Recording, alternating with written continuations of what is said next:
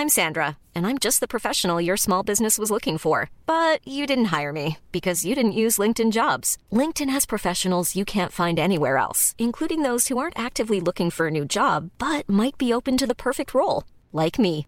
In a given month, over 70% of LinkedIn users don't visit other leading job sites. So if you're not looking on LinkedIn, you'll miss out on great candidates like Sandra. Start hiring professionals like a professional. Post your free job on linkedin.com/people today. Planning for your next trip? Elevate your travel style with Quince. Quince has all the jet-setting essentials you'll want for your next getaway, like European linen, premium luggage options, buttery soft Italian leather bags, and so much more. And is all priced at 50 to 80% less than similar brands.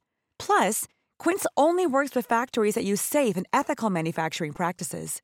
Pack your bags with high-quality essentials you'll be wearing for vacations to come with Quince. Go to quince.com/pack for free shipping and 365-day returns. Millions of people have lost weight with personalized plans from Noom, like Evan, who can't stand salads and still lost 50 pounds. Salads, generally, for most people, are the easy button, right? For me, that wasn't an option. I never really was a salad guy. That's just not who I am. But Noom worked for me. Get your personalized plan today at Noom.com. Real Noom user compensated to provide their story. In four weeks, the typical Noom user can expect to lose one to two pounds per week. Individual results may vary. Hallå! Och jättevälkommen ska just du vara rakt in i det här pinfärska avsnittet av din favvispodd som heter Rätt upp i verkligheten. Ja men visst, Sveriges roligaste podd som görs av två killar. Närmare bestämt jag, kille nummer ett, Johan Hurtig Wagrell och kille nummer två på andra sidan Skype, Jonas Strandberg. 88. Tjenare mannen. Tjenare mannen! Hur leker livet? Eh, det är ganska bra. Jag sitter här med en eh, kopp svart kaffe och har just tuggat i mig några rutor eh, schweizernöt. Favoritchokladen i det här hushållet. Oj, oj, oj. Och eh, ja, men jag mår ganska bra. Jag fick nästan lite, jag fick lite godisbånga. Det är ganska gott med schweizernöt. Ja, det är otroligt. Men vet du vad, eh, vi var och handlade igår eh, och fixade, vi, har ju, vi ska ju ha liksom fyra års eh, kalas oh, okej. för hela liksom föris här nu då i helgen, så det är mycket egentligen mycket fix med det. Men, och då är det också så här, det är så härligt att kunna ändå ha möjligheten att liksom köpa sig fri från allt krångel Mhm. och tidsmäck och sådär. Alltså, för nu är det så här, när, när jag var liten, då var det väl liksom, då fanns det liksom plastmuggar. Det fanns eh, vita plastmuggar eller så fanns det sådana eh, genomskinliga s- som såg ut som att de var av glas. Liksom. Mm. Men, men som jag minns det så var barnkalas, då kom ju folk hem liksom, till stora villan där vi bodde Mm. och, och liksom sprang runt och det var liksom, liksom i, i hobbyrummet lekte vi och, och på mitt rum kanske också och så satt vi i- vid köksbordet och, och tårta och sådär. Nu är det ju, det är väl liksom eh, såklart lägenhetsrelaterat men här i, särskilt i eh, där vi bor så är det ju liksom alla sådana barnkalas är i föreningslokaler Mhm. Som är så här, man hämtar ut dem, det finns, man sätter, det finns kaffebryggare och liksom möbler, men det är bara så sopa, spola rent efter ungarna, så man behöver liksom inte ha 15, eh, fyra någonting ungar i, i, eh, i hemmet riktigt. Det är ändå skönt. Ja, det är väldigt skönt. Och då så visade det sig att eh, eh, ja, men, här, vi, vi åkte då till någon typ av eh, eh, partyaffär Mm. som bara fokar på det. Mm. Eh, det fanns inte heller när jag var liten i, Nej. i Habo utanför Jönköping. Ehm, så att det var det bara så här, ja, in där och sen så var det också så här superbrandat och perfekt merch. Så liksom Betty då som är väldigt eh, förtjust i Paw Patrol serien så fanns det liksom, ja men det var mugg, muggar, servetter, tallrikar, vimplar, eh, liksom ballonger, allting med då så här, Paw Patrol branding. Så det var bara liksom skrapa med armen längs en hel hylla ner i korgen som uh, Brad Pitt i början av World War Z när han springer i ma mataffären och bara ska panikbunkra. Ja. Ja. kanske den starkaste scenen i World War, World är, War Z. Alltså den är så bra. Den är så bra. Jag tycker så mycket om den filmen. Var, men visst var det, var det den som, var, så, som blev liksom omklippt in absurdum? Det var sådana otroliga produktions... Eh, jag får mig det fanns något så här Vanity Fair-reportage på den tiden. Det kan vara en helt annan film jag tänker det på. Det kanske är den, men jag minns den uh, framförallt för två scener. Uh, dels, eller scener, men en scen och, och Brad Pitts generella utseende i den, för att han har aldrig varit snyggare än i World War Z 2013. Är det då han, är det, är det då han har långt hår? Ja. Ja. Ja. Det har han ju många gånger, men det, var väl liksom, det känns som att det finns en tidpunkt i hans liv när han blev mer långt hår. Ja, det ja. Kolla på en, en stillframe på den och så överväger du din sexualitet efter det. ja, jag gör det redan dagligen. Men absolut. Uh, nej, men, uh, men, det är ändå intressant att uh, jag tror att rent statistiskt, det här är, det här är ju sånt vi har våra kära lyssnare till, men när får man mest liksom befästa sin sexualitet eller ifrågasätta sin sexualitet beroende på var man kommer ifrån, eh, som känslor kring, i, i, utifrån eh, Brad Pitts filmografi.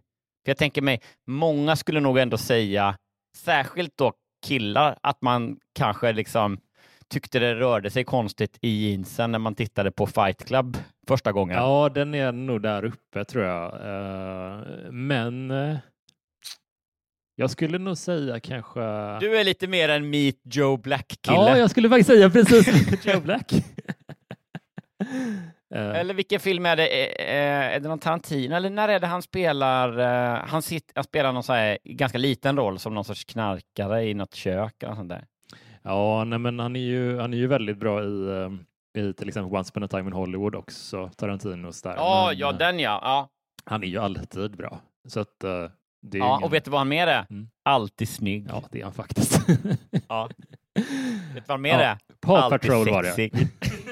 ja, precis.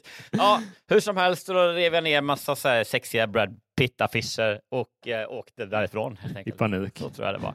Uh, ja, Nej, men så det blir eh, det är lyxigt på så sätt att eh, man kan liksom gå in i en affär och så säga så här, eh, ge mig, jag, jag, skulle vilja liksom, här, ta mitt kort och så ger du mig en uppsättning Paw Patrol-kalas. Liksom. Alltså jag tänkte ju först, för jag vet ju att uh, du bor ju, eller kan man säga det här?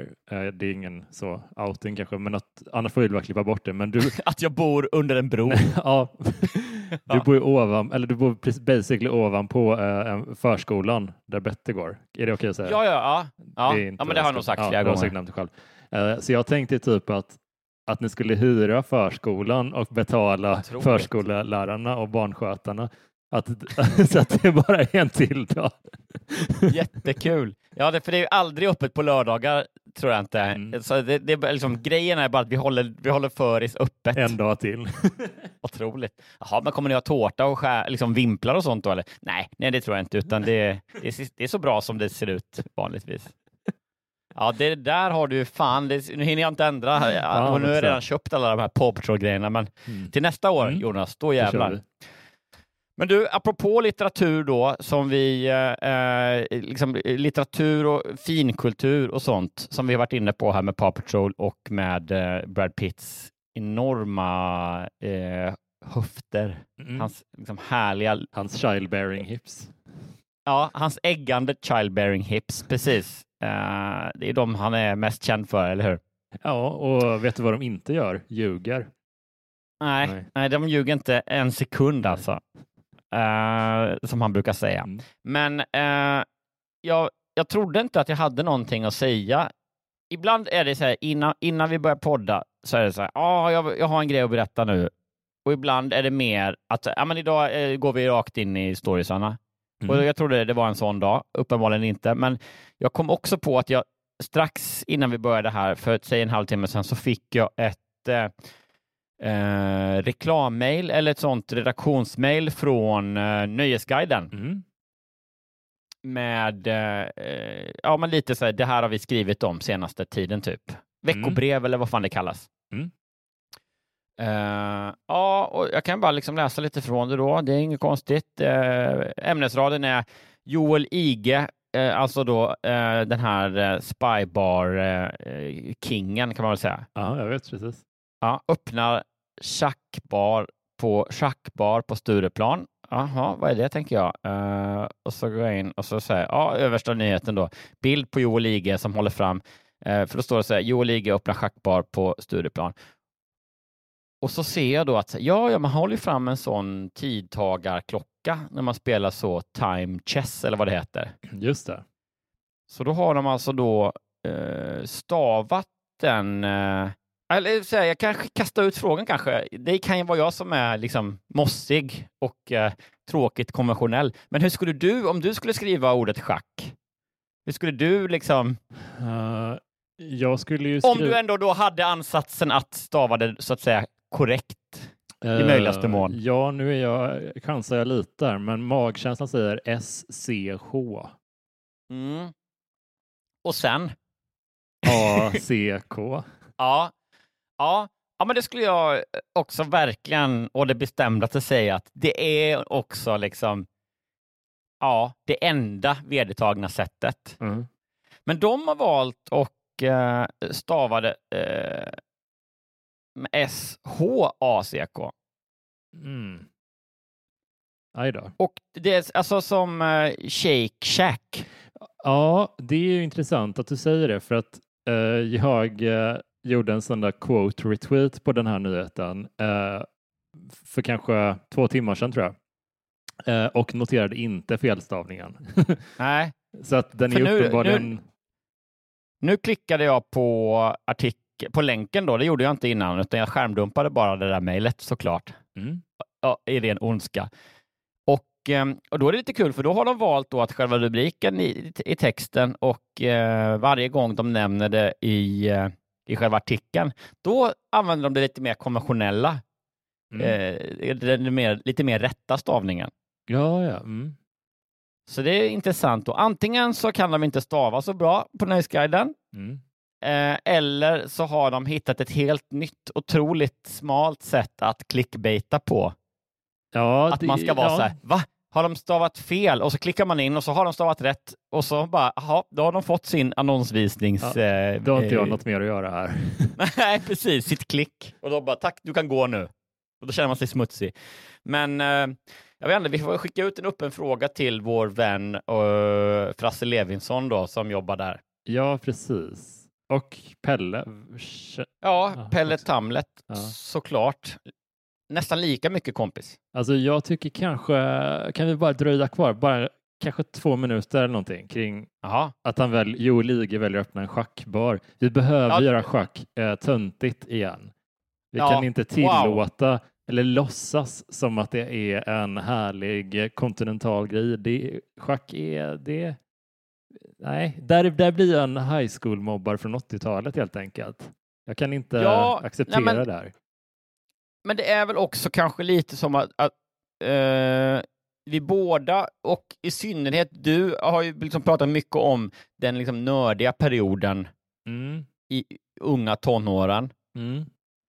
Uh, och det blir lite så här, ja men då kanske det inte var de som gillade schack då på, på riktigt så att säga. De var inte liksom Joel Ige-tuffingar mm. i, i, i högstadiet. Nej. Därför känns det ju liksom fuskigt nu. Ha, ska de ta det från oss nu? Alltså det känns verkligen så här, make that nördigt igen. Ja, jag tror jag får en känsla typ av att Joel Ige kanske alldeles nyss har sett Queens Gambit. Ja, det är Den lite, nästan två år liksom, gamla tv-serien. Ja, det pratades ju om att man skulle liksom klippa bort den svarta dockan ur eh, julafton. Mm. Eh, och liksom, uh, Pippi säger ju numera att hennes pappa bara är kung i Söderhavet och så vidare. Absolut. Så det är kanske dags att, uh, att, att klippa bort Queens Gambit. Jag tycker det. Nu räcker det. Ja, klipp bort, nej, klipp bort schacken ur Queens Gambit. Ja. Usch. Kalla den Ja. bara Queens.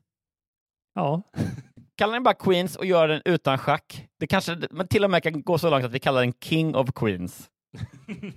och, sen, och då är jag nöjd. Det tycker jag låter toppen. Ja. ja, men vad bra. Då har vi bestämt det. Underbart ju. Bra med unisona känslor kring uh, Joe Liges uh, supertöntiga satsning på Stureplan nu. Ja, jag kämpar Stureplan. I, Ja. Gör något liksom, eh, öppna en kalsongrycknings, en wedgie eh, bar istället. Du, det var precis det jag skrev. Vadå, det var Det- din tweet? Alltså, min tweet var den här, den här Joe Liga-nyheten från Nöjesguiden och så skrev jag som en quote retweet. Då vet ni vad ni ska gå för att stjäla lunchpengar och göra kalsongryck Ja, underbart ju. på dem bara. Ja, great minds och så vidare och så vidare. Mm. Hörru du, ska vi via vignetten ta oss in i kärnverksamheten? ja, det tycker jag. Ja, vi gör det. Och eh, va- var det så att det är du som ska läsa historia först den här veckan? Det vore en ära. Ja, då, då säger vi så. Här kommer vignetten.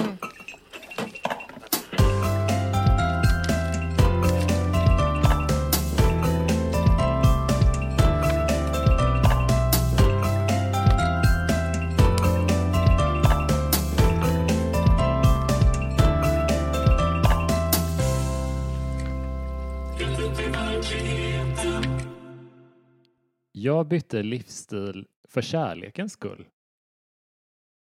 Jag växte upp i en rik familj och levde mitt liv som mina föräldrar. Det var shopping, resor och dyra restauranger. Men så en dag krockade jag med Kenneth.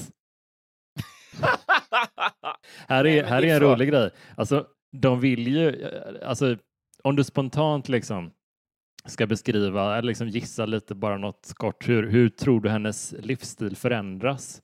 Alltså vad, vad är det de antyder med, med liksom ingressen och eh, rubriken och Jo, men det de antyder som är liksom uppenbart, alltså målat med den största penseln så att säga, det är ju att hon kommer där i liksom s- bling, bling och designerväskor. Hon har liksom en Birkin på varje arm och trippar fram i liksom lyxiga, lyxiga skor. Eh, och sen så liksom bara stöter hon emot då, och blir blixtförälskad i den här liksom Kenneth då som har liksom at best en 50-procentig uppsättning tänder. Han har också bar överkropp i hängselbyxor. Mm.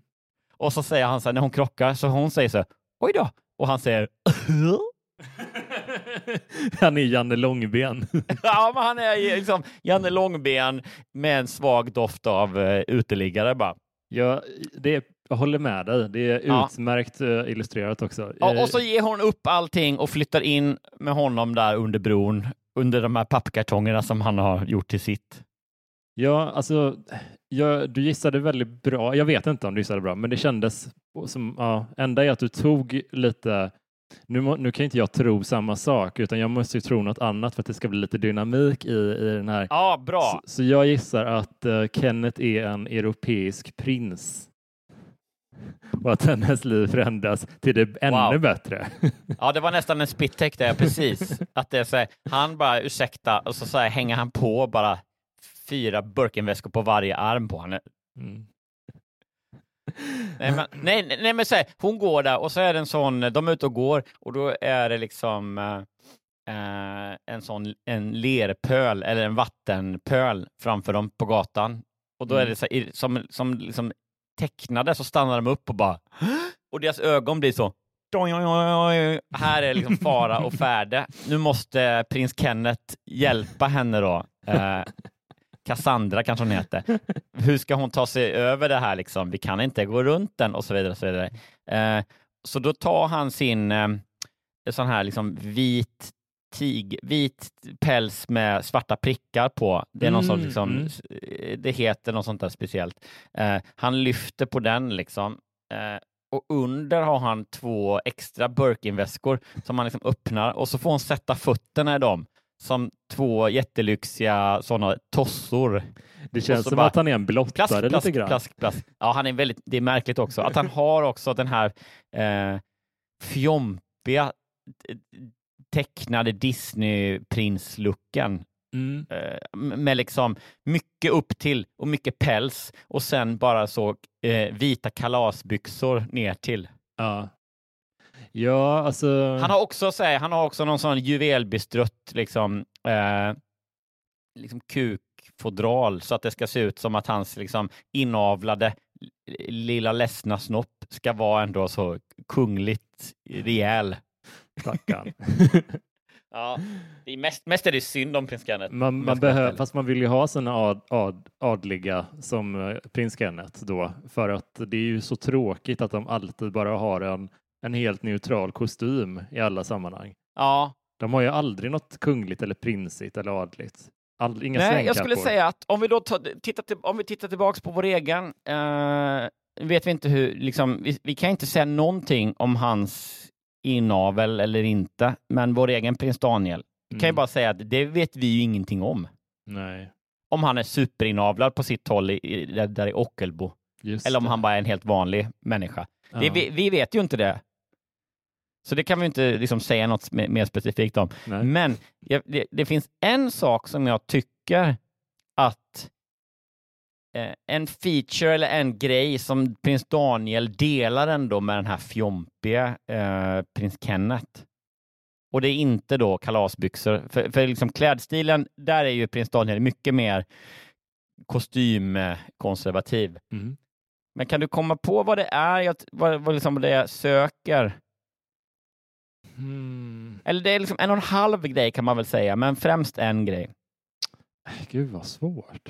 Ja, var tycker jag, på vilket sätt tycker jag Daniel ändå liksom delar någonting med fjompige prins Kenneth?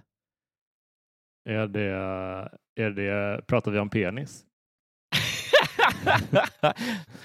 Hur gärna jag än hade önskat prata om penis, så nej, det gör vi Nej. faktiskt inte. Nej. Nej, men jag tänker först och främst eh, en annan grej, men den, den här halva grejen så tycker jag ändå att prins Daniels hår Mm. har en lite så fjompig Disney-kvalitet. För det är Ja, det- väldigt liksom tjockt och det är Mm. väldigt liksom, eh, det har eh, en liten tecknad kvalitet. Ja, faktiskt. Det har du rätt i. Att det här, man har aldrig sett prins Daniels hår ligga på något annat sätt. Inte ens pre En eller i början av hans och Victorias dokumenterade relation. Han såg ju exakt likadan ut då. Ja, ja visst. Det är liksom, du vet, han kan jag vet inte, liksom göra, han, han kanske är på liksom någon sorts eh, fjälljägarbesök eh, be- besök. och så ska han liksom busa lite med dem, kanske vara med och de, och de har någon sån litet simpass med Mm. brottning och så, så kanske han är med och brottas med dem och, och simmar lite och så. här. Så kommer han upp i vattnet, ändå lite tilltufsad. Mm. Ändå håret är helt liksom, ser exakt likadant ut. Mm. Ehm, Det är bara det- ett jag tror- mirakel.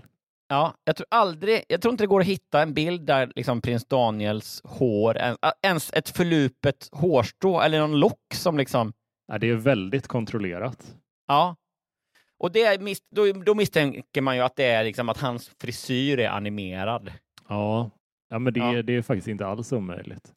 Det enda som man vet att så här, kändisar och så, eh, influencers, då kanske det är man går till Banks by Marre. Ta- tack till Banks by Marre för mitt nya hår, eller Antonio Axo, eller det finns lite sådana här eh, kändisfrisörer liksom. Ja. Eh, och när prins Daniel gör en sån, liksom, ett samarbete så är det bara tack till, eh, ja, nyfixat hår, eh, tack till Pixar. det är superhärligt ju. Ja. ja, men det var, bara, det var bara den halva grejen. Den Mm. som jag tycker är ännu tydligare, det är ju eh, närliggande, men det är prins Daniels uppsyn. Mm. För den Mm. är liksom, den är, den är liksom roligt oförarglig. Den är Mm. inte, den är inte liksom, det är ingen, han har ju ingen liksom hunk, vi pratar om Brad Pitt, han har ingen liksom hunk-min uppsyn. Och han har heller ingen liksom, eh, eh som Kenneth då, som jag först eh, säger, Janne Långben, han har ingen sån byfåne-uppsyn. Men den är väldigt specifik och den är just liksom jag menar inte liksom super, så negativt som det låter, men den är ju lite liksom fjompig, eller lite ro- rolig. Men eller jag tycker liksom, han ser ut som en mormon lite grann. Alltså, ja, den han- är lite han- trevlig och polerad kanske, det är det. och lite, lite nyfiken, men inte sådär jätte. Nej, precis. Och Alltså. inte liksom varken det mest komplexa svaret på någon fråga eller den jobbigaste frågan. Och heller inte liksom, jag tror inte den ändras så mycket den minen. Det kan vara, du Nej. vet, när, är, är, är det, Estelle är ju deras barn Mm. och så har de säkert några till. Jag är dålig på, de kanske har en Oscar också. Att de så här krånglar och vill inte klä på sig och han är så här, han håller på att tappa det för han ska vara på liksom prinskontoret när som helst. Han har möten eller vad det nu är. Han ska, han ska brottas med fjälljägare eller något sånt där. Så han bara så här, han vill, han tänker bara för helvete ungjävel, ta på dig overallsatet nu liksom. Mm. Men ändå så bara, det hans, han, hans ansikte säger ändå bara, mhm. Ja, ingen, inte en muskel rörs. Nej, jag tror att så här, om man aldrig har sett hans frisyr out of whack eller på något, i, i, i något liksom ehm, stört tillstånd så är det nog ännu värre eller tydligare med hans uppsyn. Verkligen. Det är Alltså, nog samma. Jag, Jag skulle vilja se, jag skulle vilja bara titta på eh, om man kunde plocka fram en sån eh, typ Instagram swipe-karusell med bilder på, på prins Daniel från typ bröllopet, så här framme vid altaret. Mm. när han tittar på liksom sin blivande fru där då. Eh, kanske från ett besök i, på så här SOS barnbyar, jättehemskt med eh, svält och, och misär och sådär. Mm. Eh, nybrottad med fjälljägare. Eh, han kanske har varit med i något sånt där Vasaloppet, att han har åkt det på rekordtid. Alla de här olika, ändå väldigt olika yttre eh, omständigheterna. Och så bara se hur det är. Det går, inte det går inte att gissa vad som är vad, för det är samma. Ja, det går inte att placera honom i en given sitt. Om man frilägger bilden så kan man inte gissa vilken som hör till vilken nej, precis. Ja. Vi har klippt in samma bild på prins Daniel i tio olika situationer. Eller har vi det? Ja. Omöjligt att veta. Ja, det är Ja. perfekt. Det, där. Det, är, det är en lek som vi ska leka någon annan gång, Jonas. Den eh, bilden tar vi med oss eh, Ja. när vi tänker på prins Kenneth nu, tänker jag. Just det, det var så det var. Nu ska vi se vad, vad prin- prins Kenneth då... Eh, för, för, då för att återkoppla till prins Daniel så är han... När han kom in i eh, Victorias eh, liv så ändrades ingenting. För han är väl den perfekta liksom, eh, eh, maken för henne eh, som kronprinsessa. Han kom dit och liksom, det var ingenting som ändrades. Ingen friktion alls. Nej, och när han presenterade sig, ja, det här är min nya kille, eh, eh, Daniel då. Alla bara, "Det- har inte du alltid, Vart där? va? Det känns som att du, du har väl alltid stått där? Eller? Creepy. Ja. På samma, och, sam, samtidigt som att säga på bröllopet så bara, ja pappa du kanske säger något till Da- Daniel. Så bara, eh, men du, är du, du är ny? Eller? Så han har allt, man känslan av att samtidigt har han alltid varit där och samtidigt så är, ser man honom för första gången på något Ja. sätt. Älskvärt. Vilken utstrålning. Ja. Så, så tror jag inte det är med Kenneth helt enkelt. Mm. Eh, jag, är, jag är född och uppvuxen i en lägenhet mitt i centrala Stockholm en, i en fin våning med stora fönster och modern inredning. Jag är äldst av två systrar och vi växte upp med barnflickor som tog hand om oss. Det är ju kronprinsessan Victoria som skriver det här. Alltså ja. Ja, citattecken, stor lägenhet exakt mitt i Stockholms centrum. Jo, exakt. Ja. Ett så kallat slott. Våra föräldrar hade tyvärr inte så mycket tid över för oss. De hade fullt upp med sina jobb och karriärer. De lyckades bra och klättrade till att bli chefer båda två, högt betalda och med många fördelar utöver lönen. Ja, jag växte upp i en rik familj, född med silversked i mun skulle man kunna säga. Men för mig var uppväxten helt normal. Det var det som jag var van vid. Mina kompisar var också rika. Deras föräldrar var ofta chefer eller finansmän eller liknande. Man skulle kunna säga att jag var bortskämd, för jag fick i princip allt jag pekade på. Jag trivdes bra med detta och hade löjligt många leksaker under min uppväxt. Mm. När jag sedan började intressera mig för kläder var jag noga med att följa det senaste modet. Jag följde ofta med mina föräldrar på shoppingresor till storstäder utomlands. Vi flög till London eller Paris eller, och ibland Prag eller New York. När vi inte shoppade åt, åt vi på fina restauranger. Jag uppskattade verkligen dessa resor, för det var då jag, som jag fick mest uppmärksamhet från mina föräldrar. Mm. Ja, det är mycket. Alltså jag har inget emot, man behövs bakgrundsinfon så behövs den och det, det skadar väl ingen, men det är ju, det känns som att det procentuellt kan vara ganska mycket om den här härliga eh, uppväxten och ganska lite om prins Kenneth eventuellt. Jo, jo, precis. Det är liksom en lång startsträcka. För, och Mm. jag tänker så här, eh, om det nu är så att hon liksom så lättvindigt och problemfritt byter livsstil när Kenneth kommer in, Mm. då behöver hon kanske inte lika mycket berätta bakgrunden. Alltså det, här, det känns ju som att den här sträckan vi har läst hittills, Mm. om hur hon har fötts in i det här och tagit det som självklarhet, det tycker jag mer är upptakten till att hon sen tyck, liksom förklarar för oss som läser eller lyssnar att så här, ja, men givet det här, då är det inte så konstigt att jag inte ville byta livsstil, eller att jag liksom vägrade det. Så att jag säger, om det nu är så att hon byter livsstil så känns det onödigt att etablera så mycket hur hon fördes in i det där liksom. Ja, faktiskt. Um, kanske jobbar Men- för någon kontrastverkan eventuellt. Hur, hur annorlunda är livet så har att- blivit. Ja, men Kenneth ska läsa det här och då vill hon verkligen att han ska förstå vilken uppoffring det har varit för henne. Det är inte alls omöjligt faktiskt. Men han Eh, är bara så, roliga bokstäver. Planning for your next trip?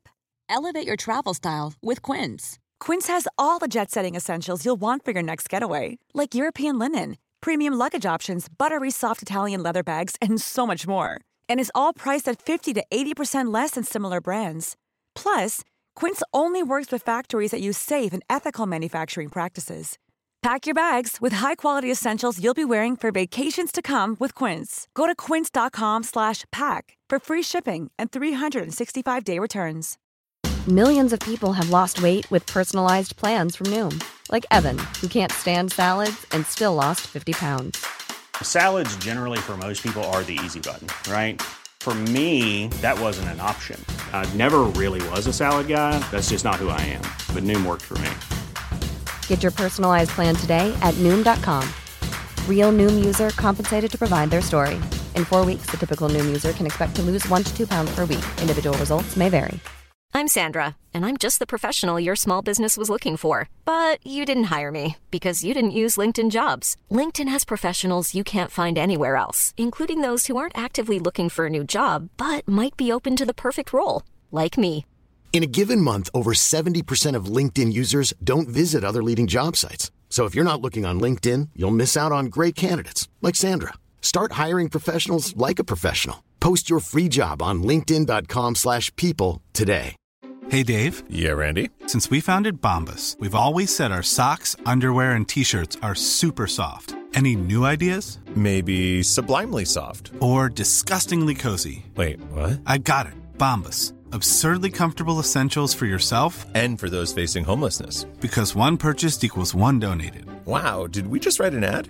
Yes. Bombas. Big comfort for everyone. Go to bombas.com slash ACAST and use code ACAST for 20% off your first purchase.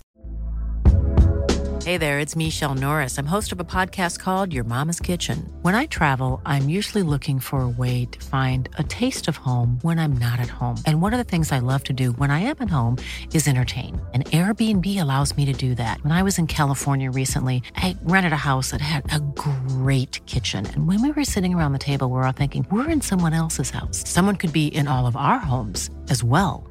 If you have a home, but you're not always at home, you have an Airbnb. Your home might be worth more than you think. Find out how much at airbnb.com/slash host.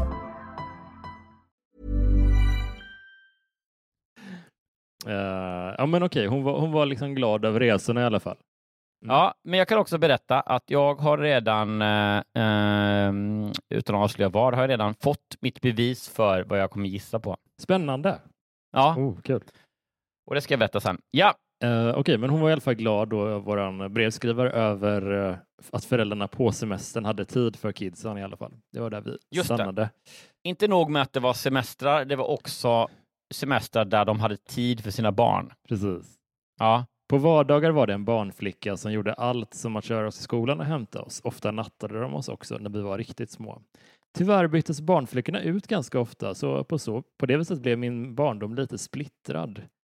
Självklart hade jag krav på mig att bli något när jag skulle börja på gymnasiet. Det blev fyraårig teknisk linje innan jag sedan sadlade om och utbildade mig till läkare på universitetet. Specialistläkare blev jag till sist och fick jobb direkt.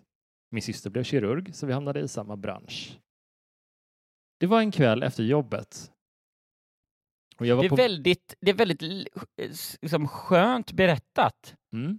Det, låt, det är nästan sådär som att det är bara muntligt från någon som är väldigt, en väldigt van talare. Faktiskt. Eller just det här liksom, ja men det, hela den här karriärgrejen låter ju som, som de första minuterna av någon eh, typ av arbetsintervju eller sådär. Där man lite Verkligen. lätt och ledigt ska förklara hur, hur man hamnade där liksom. Ja, verkligen. Det har du faktiskt rätt i. Ja, Eh, Det var en kväll efter jobbet och jag var på väg till en närbelägen restaurang för att äta. När jag halvsprang runt ett gathörn sprang jag rakt in i en man i min egen ålder. Vi smällde ihop riktigt hårt och slog huvudena i varandra. Vi ramlade omkull och sen blev jag sittande där på gatan. Det kändes som om huvudet skulle spricka och jag kände mig yr. Mannen la armen om mig och, klappade mig på ryggen. Han var verkligen bekymrad för mig. Han, eh, han presenterade sig som Kenneth och så hjälpte han mig upp eh, och fick mig att sätta mig på en bänk i närheten. Han var orolig för mig och ville ta mig till en läkare som skulle undersöka att jag inte fått hjärnskakning. Jag kände mig svag så jag tog tacksamt emot hans hjälp. det var också det att han bara ville liksom eh, säkerställa så att det inte dök upp några märkliga medicinska krav eller stämningsansökningar, va? Tror du inte det? Ja, just det.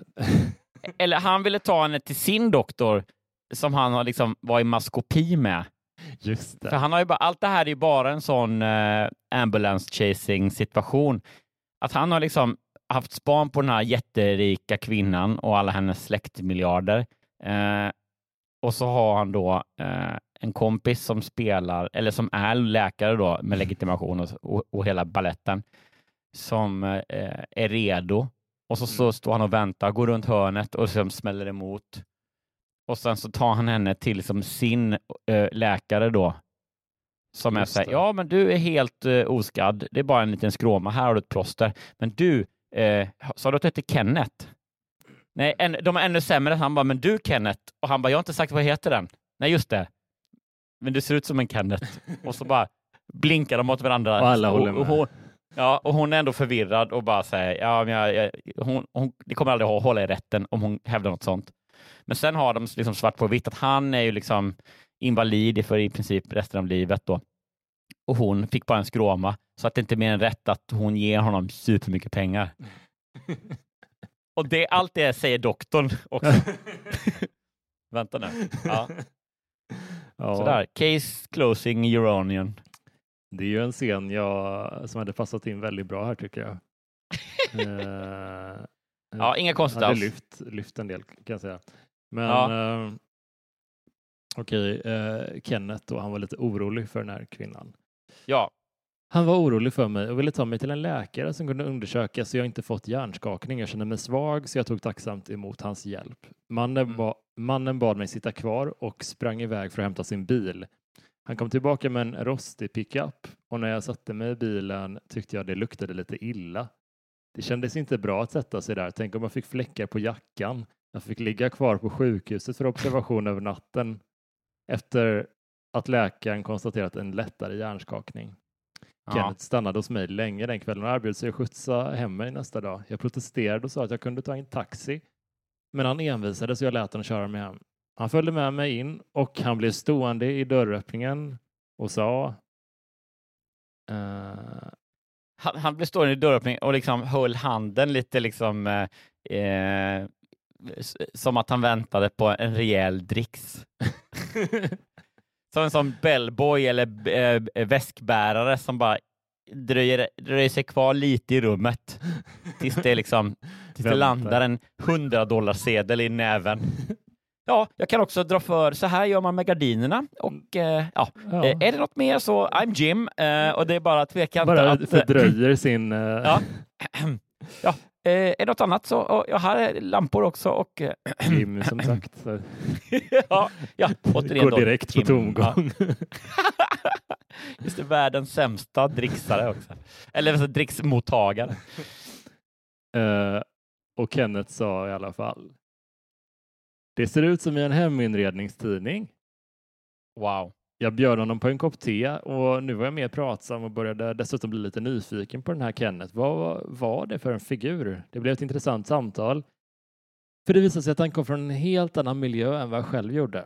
Han bodde ensam i ett torp på landet i det hus där han föddes. Han hade bott med sina föräldrar tills de båda dog för ett par år sedan. Han var ungkar i 45-årsåldern och hans största intresse var den skog som hörde till torpet och hans djur, en hund, en katt och några hönor. Och så berättade han att han älskade att pyssla i det är ju, alltså, Det är ju blommor. jättemycket så här sagovibbar eh, ju. Mm, alltså absolut. hon bor typ i ett, så här, inne i stan i ett stort slott. Mm. Och han bor i ett litet torp ute i skogen och han har liksom tre djur. En höna, än vad det nu var. Och de pratar också och eh, du vet, så här, hönan värper guldägg visade sig. Mm. Eller hur? Det är liksom det är hela liksom H.C. Eh, mm. Andersen eh, slash Bröderna Grimme upp, eh, liksom upptakten. Älskar. Ja. Då väntar vi bara på eh, något förtroll, en förtrollad frukt, en konstig liksom gammal gumma mm. med någon sorts besvärjelse. Ja, Eller kanske en ond styvmamma perfekta settingen helt enkelt. Ja. Uh. En spinnrock. Ja, alltså, men, men vad, vad tänk, alltså för, ändå ett trevligt första möte skulle jag säga. L väldigt udda. Ja, verkligen. Uh, och, och sådär, Också men... lite kul och lite avslöjande att hon, när han berömmer hennes hem, uh. det är då hon känner att han börjar bli spännande uh, som person. Av den komplimangen liksom. Ja, ja verkligen. Hon tror att hon blir nyfiken på honom, men egentligen går hon bara runt och berättar om vad hon har köpt de här olika soffkuddarna. Jag har lite, har en bild av den här kvinnan ändå. Men det passar nog bättre till slutet, men jag har ändå fått mycket intryck av, av att läsa hur hon uttrycker sig. Uh, uh, Okej. Okay. Ja. Kenneth ringde tillbaka till mig en vecka senare för att höra att jag mådde bra och undrade om det var något han kunde hjälpa, hjälpa mig med. Jag tackade och sa att jag klarade mig själv. Då frågade han om han fick bjuda mig på mat någon kväll och jag kunde inte med och tacka nej för han hade ju varit så snäll mot mig. Men jag kan inte säga att jag såg fram emot att komma hem till honom. Jag tvekade in i det sista om jag verkligen skulle åka. Och hur skulle jag i så fall klä mig? Mina vanliga märkeskläder passade inte in där. Jag kände mig verkligen malplacerad när jag parkerade utanför hans torp. Det är också jättekul. Vad, liksom, vad är det här då för en Hallmark-film känns det som ju. Ja, för det är så här, ja, det finns ju eh, Alltså i teorin så skulle hon kunna ha eh, jeans för eh, 10 000 och han har liksom jeans för eh, 199 eh, kronor. Mm. Och det skulle ändå liksom Alltså dyra märkeskläder deras definition av dem är ju inte att de inte ser ut att passa in i ett torp. Det är som att det är, så här, är det bara sådana eh, liksom, otroliga Lacroix-klänningar?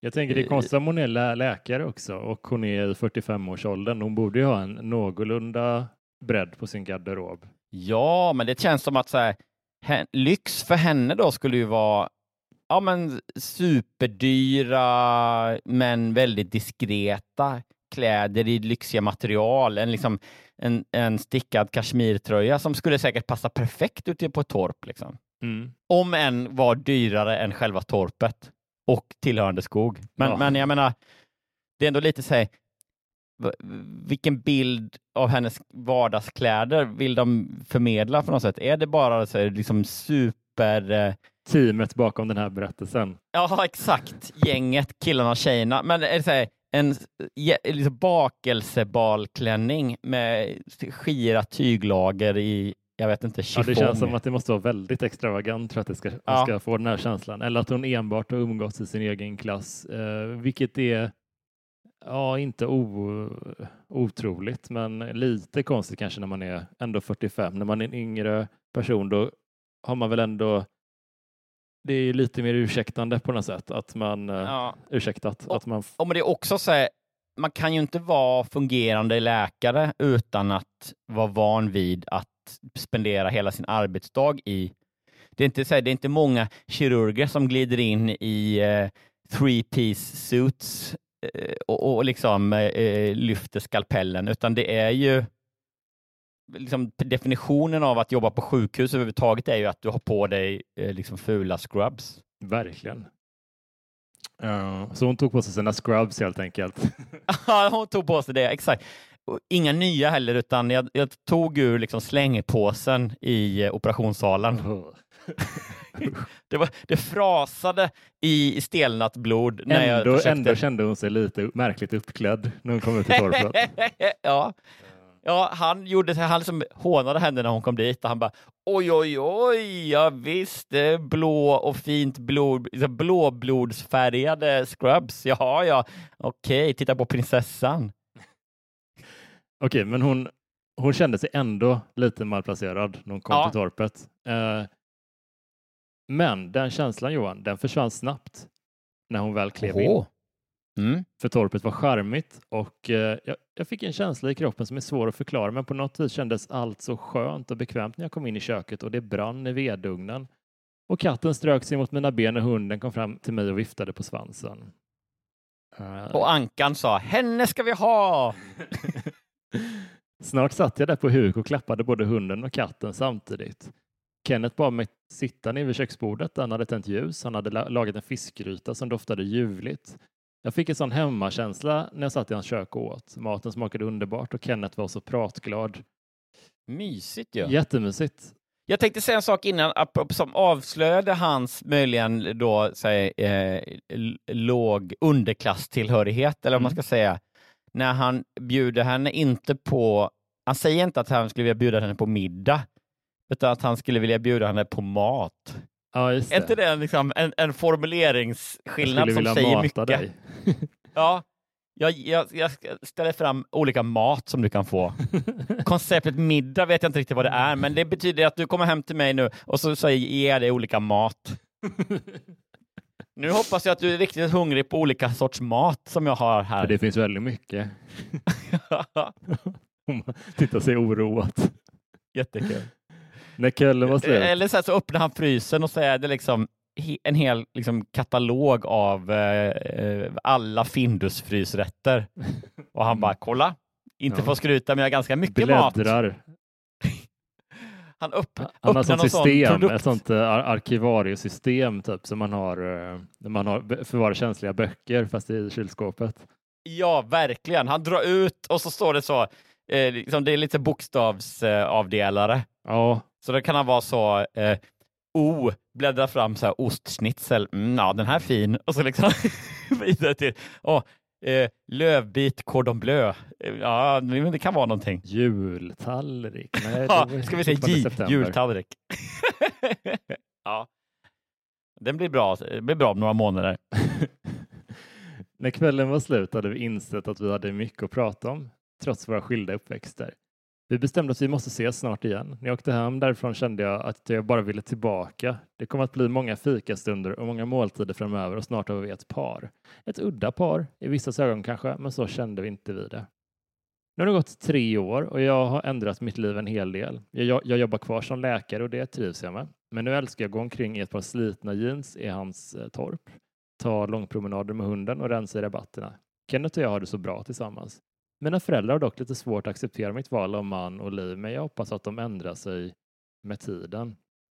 Aldrig hade väl jag trott hade, aldrig hade jag väl trott att jag skulle bo i ett torp mitt ute i skogen.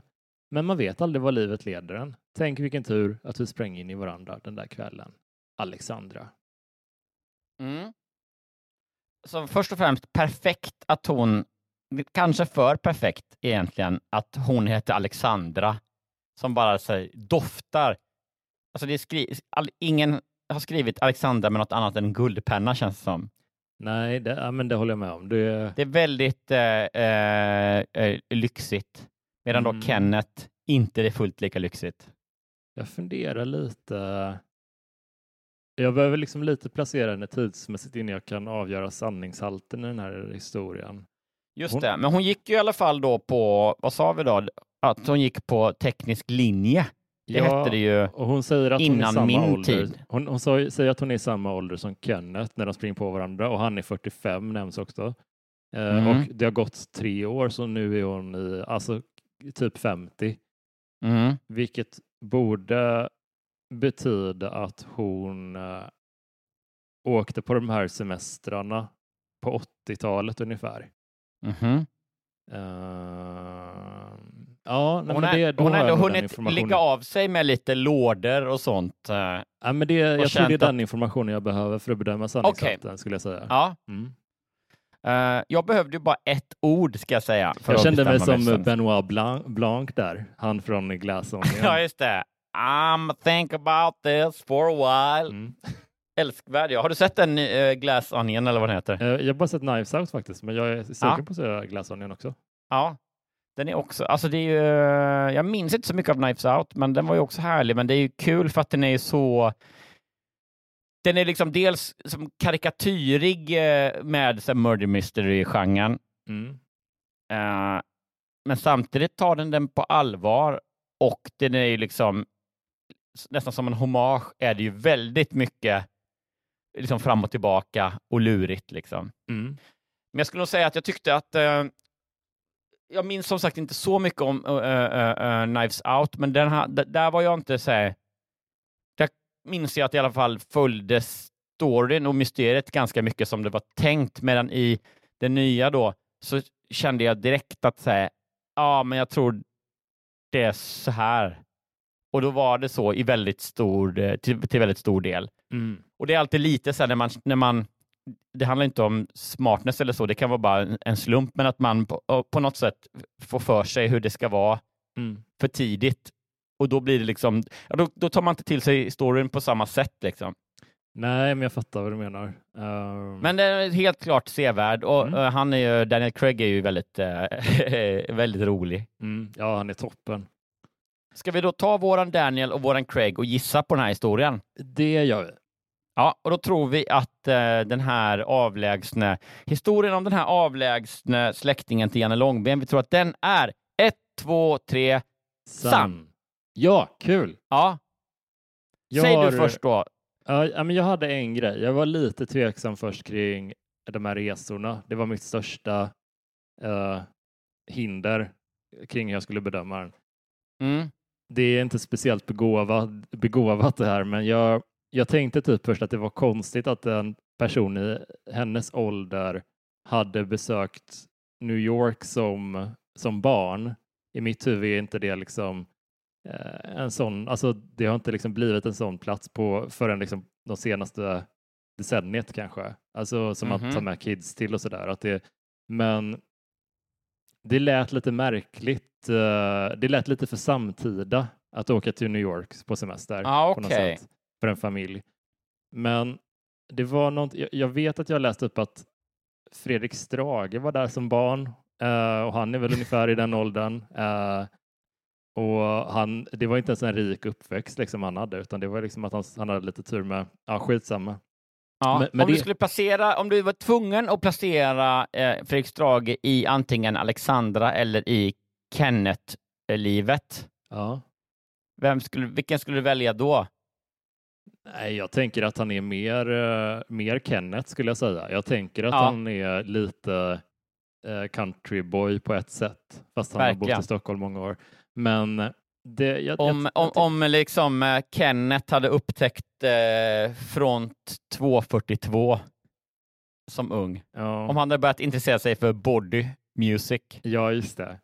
Då hade det blivit. Nej, men det, det var en grej också, en sista. Sen, sen vill jag jättegärna höra dina uh, själv. Men jag, det var, jag tänkte typ att den kändes så trovärdig på så vis att hon berättade om alla de positiva aspekterna av uppväxten.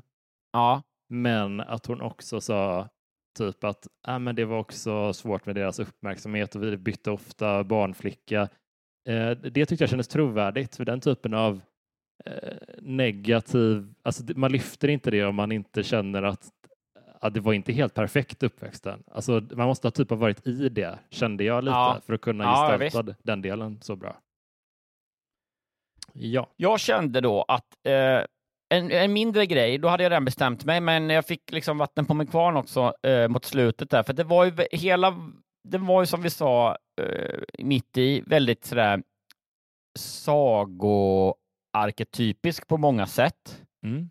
vilket då tyder på hittepå, tänker jag. Mhm.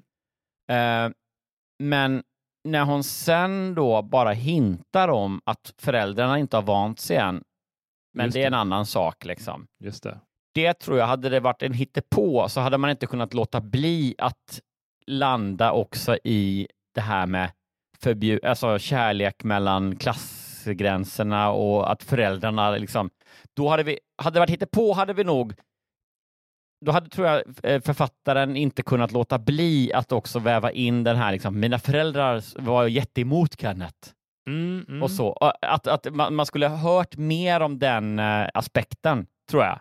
Just det, just det. Men hon är ju också, jag tänker att jag tänker att det kanske hade spelat in om, om hon hade varit lite yngre när hon och Kenneth träffades. Nu är hon ju alltså strax under 50.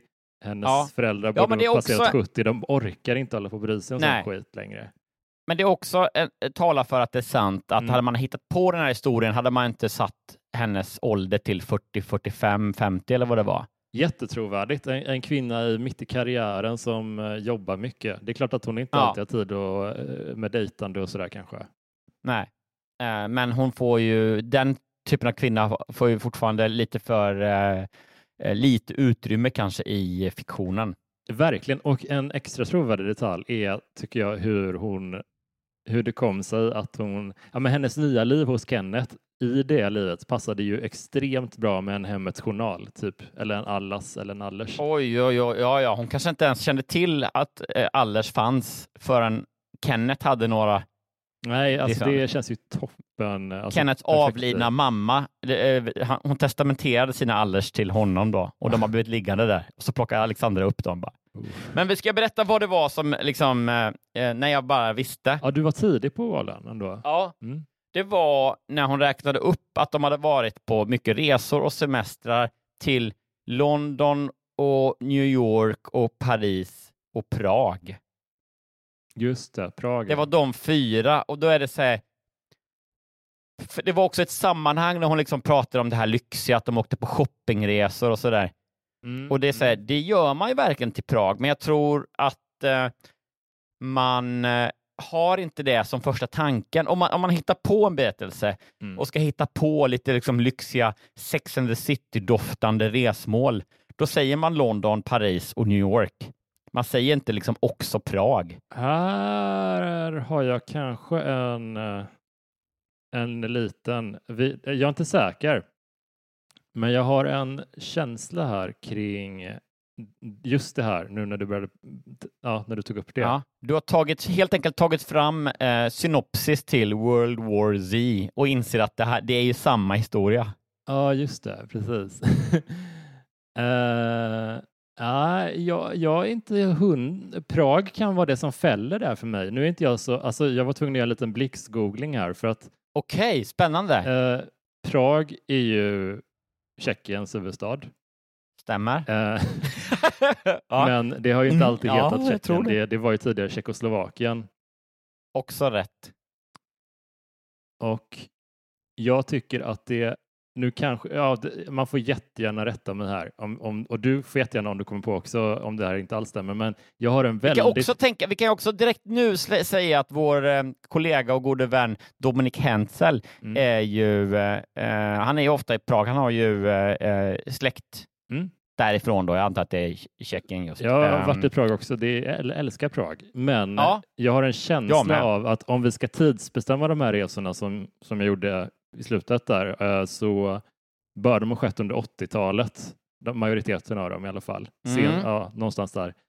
Då tycker jag det är konstigt att besöka Tjeckoslovakien. För att eh, det står här eh, 89 avgick den kommunistiska regeringen och först 93 bildades de självständiga staterna Tjeckien och Slovakien. Så att eh, sannolikt har de då besökt Tjeckoslovakien när, det var, när de hade kommunistisk regim och det känns ju väldigt konstigt för en familj att, jag vet inte. Jag är, Särskilt sagt, en bling-bling-familj då, som giss, alltså bara fördomsmässigt plockar man inte in dem som eh, på, på den röda sidan av skalan. Ja, vet du vad, jag tror nog att jag, jag ändrar mig. Jag tror att den här historien inte stämmer. Är det sant? Vad kul! Ja, ja, det är bara på grund av det här. Ba, det, Bara på det som jag tog det för, eh, för sant. Det är Ja, så alltså, jävla mäktigt. Och det här är bara för att jag har en, jag vet inte, alltså jag är inte påläst om den här perioden, men det ringde en klocka någonstans att det, det känns väldigt off att åka till Tjeckoslovakien som Ja, rik svensk eh, familj med två små barn. Det, jag Eller- köper det inte riktigt. Nej, nej, men jag fattar. Du har en poäng där. Om det inte är så det, det faktiskt är som vi skojade om från allra första början, att det är kronprinsessan Victoria som har skrivit det här och att det var ett statsbesök i Prag. Mm. Det skulle förklara väldigt mycket då. Alltså, det, ja, det är möjligt. Vilket- Det är en lång tystnad. Nej, men alltså, jag läste lite snabbt eh, på Wiki- Wikipedia-artikeln här att eh, till följd av de politiska förändringarna i Östeuropa blev oppositionen allt högljuddare, alltså från slutet av 70-talet. Och Ja. 89 tvingades den kommunistiska regeringen att avgå. Vi alltså, det här, om, vi ska ha, om, om jag är rätt med den här tidsbestämningen så är det alltså en, en tid av extrem politisk oro i Tjeckoslovakien där de besökte. Eller, ja, precis. Liksom. Jag tycker det Ja, men i alla fall, precis, i alla fall ett visst mått av, eh, vad ska man säga, Sovjet, eh, eh, den stora Sovjetskuggan, eh, eh, dämpande eff- effekt på kommersialismen och konsumtion och så. Så Mm. att man kanske inte åkte dit Även om man hade där att göra kanske på vissa sätt så var det kanske inte shoppingresor som man åkte dit för. Nej, jag, jag, jag tror inte på berättelsen av den anledningen. Jag trodde på den hela vägen fram till det, tills jag började tänka på Prag. Det är jättekul. Men jag skulle ändå säga då att det, det är möjligen så att du är lite... Om det istället skulle vara så att det här eh, liksom resandet och Pragbiten och så var, säg 95 istället för 85 då, Mm. då är det just, då faller ju den tanken som du har. Ja, men jag tänker att om den är, om den är skriven typ förra året, den här berättelsen, Mm. och hon är, för, de var i 45-årsåldern, nu är tre år Han senare. kanske kan vara lite äldre än henne, ändå lite stereotypt kan man tänka sig. Ja, men precis. Eh, Hon är då född eh, 74. Ja, då är hon 15 när den kommunistiska regeringen avgår i Tjeckoslovakien. Mm. Och, eh, Och så kanske hon ska, liksom, på 18-årsdagen följer hon med, för då har det liksom blommat upp och så ja, liksom att, plötsligt... fira, att fira det nya liksom. ehm, Det, det, nej, de politiska... Hon åker dit, de får, i 17-årspresent får hon att vi ska åka till Prag och fira marknadskrafterna. Jag vet, vet du vad? Eh, Så här. Eh, Så här står det också. 89 Mm. tvingades den kommunistiska regeringen avgå. De politiska och ekonomiska förutsättningarna saknades dock för att hålla land, ihop landet och den 1 januari 93 bildades de självständiga staterna Tjeckien och Slovakien. Ja. Det är en så, ett så svajigt land man åker... Nej, nej, nej jag har bestämt Nej, mig. men du har en Ja. jävligt st- stark poäng där som jag tycker vi ska liksom ta med oss verkligen. Mycket, eh, vad heter det, uh, indicier här. Det finns Ja. i, jag har ju sagt extremt dåligt påläst. Jag slog upp det här bara nu och, hade, och lite magkänsla inblandat. Så folk som har bättre koll på den här perioden i Tjeckoslovakien får jättegärna upplysa mig för jag, ja, jag tycker om Ja, men det, det är underbart och väldigt spännande. Och kan det vara så att det är första gången i eh, Rätt upp i verklighetens historia där vi på något sätt gör en gissning som i alla fall till stor del grundar sig i eh, liksom historisk, alltså politisk historia. Jag, tyck, jag tror det. det Europeisk politisk historia, alltså riktigt tunga liksom Jonas eh, eh, pre och postkommunistiska studier på eh, liksom östblocket Ja. ligger till grund för veckans avsnitt. Ja, det, ja, det, är inte, det är inte svagt, det är det inte. Nej. Eh, det stora kalla kriget-avsnittet. Mm. Eh, Prins Daniel och Sovjetunionens fall. Eller Kenneth åker till östblocket, till- åker till forna östblocket. Alltså det finns ju så många eh, avsnittstitlar här. Jag tror jag helt, kommer eh, bli prick- inbjuden prickig. ganska snart till Allt du velat veta och eh, få uttala mig om Just det. Just det. Komikern Jonas Strandberg om, fo, om, forna, eh, om forna östblocket. Och i- i Jävlar allmänhet. vilket stort svep! Ja, och Tjeckien, Slovakien och forna Tjeckoslovakien i synnerhet. Där har du det någon, någonting. Jag ser fram emot det. Men jag har babblat på för mycket om östblocket nu. Jag vill höra din berättelse. Ja, okej då. Jag skulle inte hålla med dig om att du babblar på för mycket. Det kan inte bli för mycket. eh, det är nästan så där, hade man, hade man, eh, eh, hade man orkat så skulle man ju ta fram en. Det var för länge sedan vi, vi hade nya liksom, specifika vignetter i avsnittet. Vi, vi minns väl alla fläskkarré-jingeln och så vidare. Mm. Men tänk om man Mm. skulle få en så Jonas pratar politisk historia-jingel. En, eh, ja, definitivt. Det är Och mycket. så får vi se. Och så liksom, blir det min livsuppgift att i varje avsnitt försöka kratta för att du själv, för jag vill inte liksom, jag, jag får inte styra in det, men jag Nej, måste nej. liksom på något sätt göra så att du själv, som jag gjorde idag då, nämnde Prag. Ja, det Så- var väldigt då- så- snyggt så- planterat. ja, exakt. Nu måste jag bara komma på ett sätt att göra det varje vecka. Ja, men det är väl jättebra. Otroligt kul. Jag är väldigt, eh, eh, väldigt glad att ha fått vara med på den här resan. Och liksom också första gången kanske som man verkligen eh, kan leda i bevis nu. Det spelar ingen roll vad jag gissar nu. Vi, nu vet vi ju. Vi kan konstatera att eh, det, det var, det var, eh, vad var det, falskt. Ja, ja. Det här. Kanske inte fullständigt eh, osannolikt, men till 99 procent så skulle de inte Ja, göra det. det. det kan också vara så att hon blandade ihop att, eh, eh, att, att hon menade egentligen att de var i Provence. Just det. Och så råkade de skriva Prag. Mm. Och då bara, allt är fel! Ja. Det är bra. Vi, måste, vi kan inte unna oss att inte vara kategoriska i den här podden. Utan Nej, vi måste liksom, ha, alltså det, det är lite nödvändigt faktiskt. ja, vi slår ner på eh, syftningar, ordval och säg, geografiska, politisk, historiska Ja, eh, händelser skulle som hökar. Mm. Men du, eh, jag tror, eh, jag vet inte, jag har inte läst det där, men jag tror inte att det blir så mycket östblocket i min berättelse. Nej, okej då. Mm. Men vi gör så att vi kopplar bort i alla fall TV6-lyssnarna. Mm. Kan också passa på att att be dem att bli Patreons. Jag gör det. Bli gärna snälla. Ja, snälla schyssta, för då får ni också en berättelse till och från och med nu slipper ni också reklam i alla avsnitt, så det är superbra. Gå Det- in på patreon.com snedstreck Ratt upp i verkligheten. mm. och då kan ni bara fortsätta lyssna nu. Eh, annars, tack för den här veckan. Först efter mammas död fick jag veta sanningen.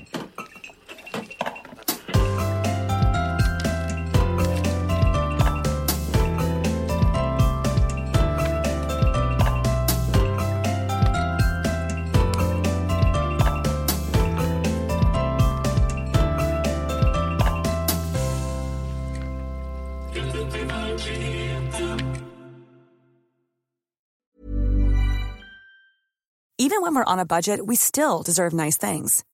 Quince is a place to scoop up stunning high-end goods for 50 to 80% less than similar brands. They have buttery soft cashmere sweaters starting at $50, luxurious Italian leather bags, and so much more. Plus, Quince only works with factories that use safe, ethical, and responsible manufacturing. Get the high-end goods you'll love without the high price tag with Quince. Go to quince.com slash style for free shipping and 365-day returns. Hey, it's Paige DeSorbo from Giggly Squad. High quality fashion without the price tag. Say hello to Quince. I'm snagging high-end essentials like cozy cashmere sweaters, sleek leather jackets, fine jewelry, and so much more. With Quince being 50 to 80% less than similar brands. And they partner with factories that prioritize safe, ethical, and responsible manufacturing. I love that. Luxury quality within reach. Go to quince.com slash style to get free shipping and 365 day returns on your next order. Quince.com slash style.